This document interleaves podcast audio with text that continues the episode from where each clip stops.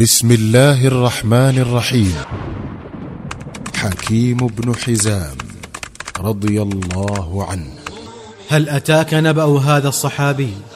لقد سجل التاريخ أنه المولود الوحيد الذي ولد داخل الكعبة المعظمة. أما قصة ولادته هذه فخلاصتها أن أمه دخلت مع طائفة من أترابها إلى جوف الكعبة للتفرج عليها.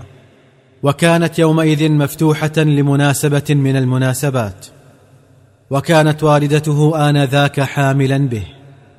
ففجأها المخاض وهي داخل الكعبة فلم تستطع مغادرتها. فجيء لها بنطع فوضعت مولودها عليه وكان ذلك المولود حكيم بن حزام بن خويلد وهو ابن أخي أم المؤمنين السيدة خديجة بنت خويلد رضي الله عنها وأرضاها. نشأ حكيم بن حزام في أسرة عريقة النسب عريضة الجاه واسعة الثراء. وكان إلى ذلك عاقلا سريا فاضلا فسوده قومه وأناطوا به منصب الرفادة. فكان يخرج من ماله الخاص ما يرفد به المنقطعين من حجاج بيت الله الحرام في الجاهلية.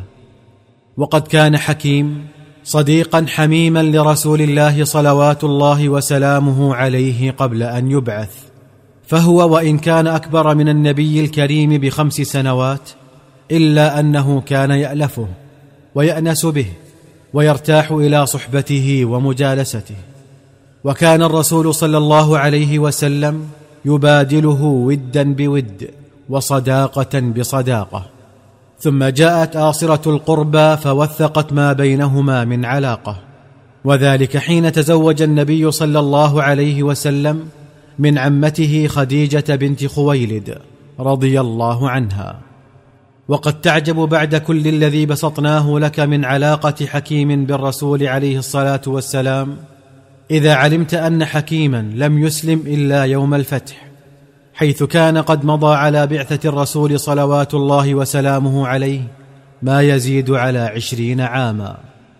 فقد كان المظنون برجل مثل حكيم بن حزام حباه الله ذلك العقل الراجح ويسر له تلك القربه القريبة من النبي صلوات الله وسلامه عليه أن يكون أول المؤمنين به المصدقين لدعوته المهتدين بهديه. ولكنها مشيئة الله وما شاء الله كان. وكما نعجب نحن من تاخر اسلام حكيم بن حزام. فقد كان يعجب هو نفسه من ذلك. فهو ما كاد يدخل الاسلام ويتذوق حلاوه الايمان. حتى جعل يعض بنان الندم على كل لحظه قضاها من عمره. وهو مشرك بالله مكذب لنبيه. فلقد راه ابنه بعد اسلامه يبكي. فقال ما يبكيك يا أبتاه؟ قال أمور كثيرة كلها أبكاني يا بني. أولها بطء إسلامي مما جعلني أسبق إلى مواطن كثيرة صالحة حتى لو أنني أنفقت ملء الأرض ذهبا لما بلغت شيئا منها. ثم إن الله أنجاني يوم بدر وأحد فقلت يومئذ في نفسي لا أنصر بعد ذلك قريشا على رسول الله صلى الله عليه وسلم ولا أخرج من مكة. فما لبثت أن جررت إلى نصرة قريش جرا. ثم إنني كلما هممت بالإسلام نظرت إلى بقايا من رجالات قريش لهم أسنان وأقدار متمسكين بما هم عليه من أمر الجاهلية فأقتدي بهم وأجاريهم. ويا ليت أني لم أفعل. فما أهلكنا إلا الاقتداء بآبائنا وكبرائنا فلم لا أبكي يا بني؟ وكما عجبنا نحن من تأخر إسلام حكيم بن حزام وكما كان يعجب هو نفسه من ذلك أيضا فإن النبي صلوات الله وسلامه عليه كان يعجب من رجل له مثل حلم حكيم بن حزام وفهمه كيف يخفى عليه الإسلام؟ وكان يتمنى له وللنفر الذين هم على شاكلته أن يبادروا إلى الدخول في دين الله. ففي الليلة التي سبقت فتح مكة قال عليه الصلاة والسلام لأصحابه إن بمكة لأربعة نفر أربأ بهم عن الشرك وأرغب لهم في الإسلام. قيل ومن هم يا رسول الله؟ قال عتاب بن أسيد وجبير بن مطعم وحكيم بن حزام وسهيل بن عمرو. ومن فضل الله عليهم أنهم أسلموا جميعا. وحين دخل الرسول صلوات الله وسلامه عليه مكة فاتحا أبى إلا أن يكرم حكيم بن حزام فأمر مناديه أن ينادي. من شهد أن لا إله إلا الله وحده لا شريك له وأن محمدا عبده ورسوله فهو آمن. ومن جلس عند الكعبة فوضع سلاحه فهو آمن. ومن أغلق عليه بابه فهو آمن. ومن دخل دار أبي سفيان فهو آمن. ومن دخل دار حكيم بن حزام فهو آمن. وكانت دار حكيم بن حزام في أسفل مكة ودار أبي سفيان في أعلاها. أسلم حكيم بن حزام إسلاما ملك عليه لبه. وآمن إيمانا خالط دمه ومازج قلبه وآلى على نفسه أن يكفر عن كل موقف وقفه في الجاهلية أو نفقة أنفقها في عداوة الرسول بأمثال أمثالها وقد بر بقسمه. من ذلك أنه آلت إليه دار الندوة وهي دار عريقة ذات تاريخ ففيها كانت تعقد قريش مؤتمراتها في الجاهلية.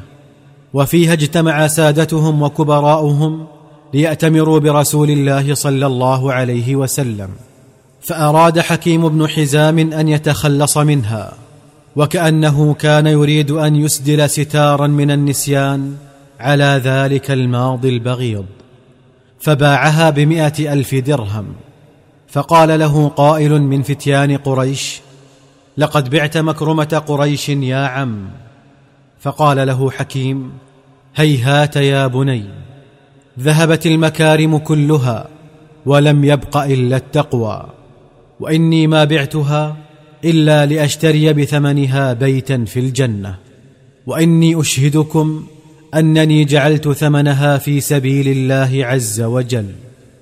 وحج حكيم بن حزام بعد إسلامه فساق أمامه مائه ناقة مجللة بالأثواب الزاهية ثم نحرها جميعها تقربا إلى الله. وفي حجة أخرى وقف في عرفات ومعه مائه من عبيده وقد جعل في عنق كل واحد منهم طوقا من الفضة نقش عليه عتقاء لله عز وجل عن حكيم بن حزام. ثم أعتقهم جميعا. وفي حجة ثالثة ساق أمامه ألف شاه.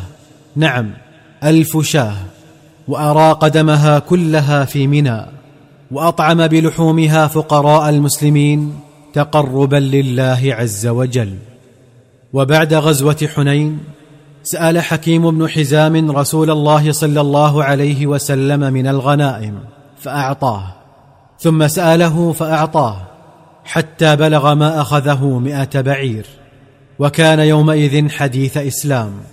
فقال له الرسول صلوات الله وسلامه عليه يا حكيم إن هذا المال حلوة خضرة فمن أخذه بسخاوة نفس بورك له فيه ومن أخذه بإشراف نفس لم يبارك له فيه وكان كالذي يأكل ولا يشبع واليد العليا خير من اليد السفلى. فلما سمع حكيم بن حزام ذلك من الرسول عليه الصلاة والسلام قال يا رسول الله والذي بعثك بالحق لا أسأل أحدا بعدك شيئا ولا آخذ من أحد شيئا حتى أفارق الدنيا. وبر حكيم بقسمه أصدق البر. ففي عهد أبي بكر دعاه الصديق أكثر من مرة لأخذ عطائه من بيت مال المسلمين فآبى أن يأخذه. ولما آلت الخلافة إلى الفاروق دعاه إلى أخذ عطائه فآبى أن يأخذ منه شيئا أيضا. فقام عمر في الناس وقال أشهدكم يا معشر المسلمين أني أدعو حكيما إلى أخذ عطائه فيأبى. وظل حكيم كذلك لم يأخذ من أحد شيئا حتى فارق الحياة. إن بمكة لأربعة نفر أربأ بهم عن الشرك وأرغب لهم في الإسلام. أحدهم حكيم بن حزام. محمد رسول الله.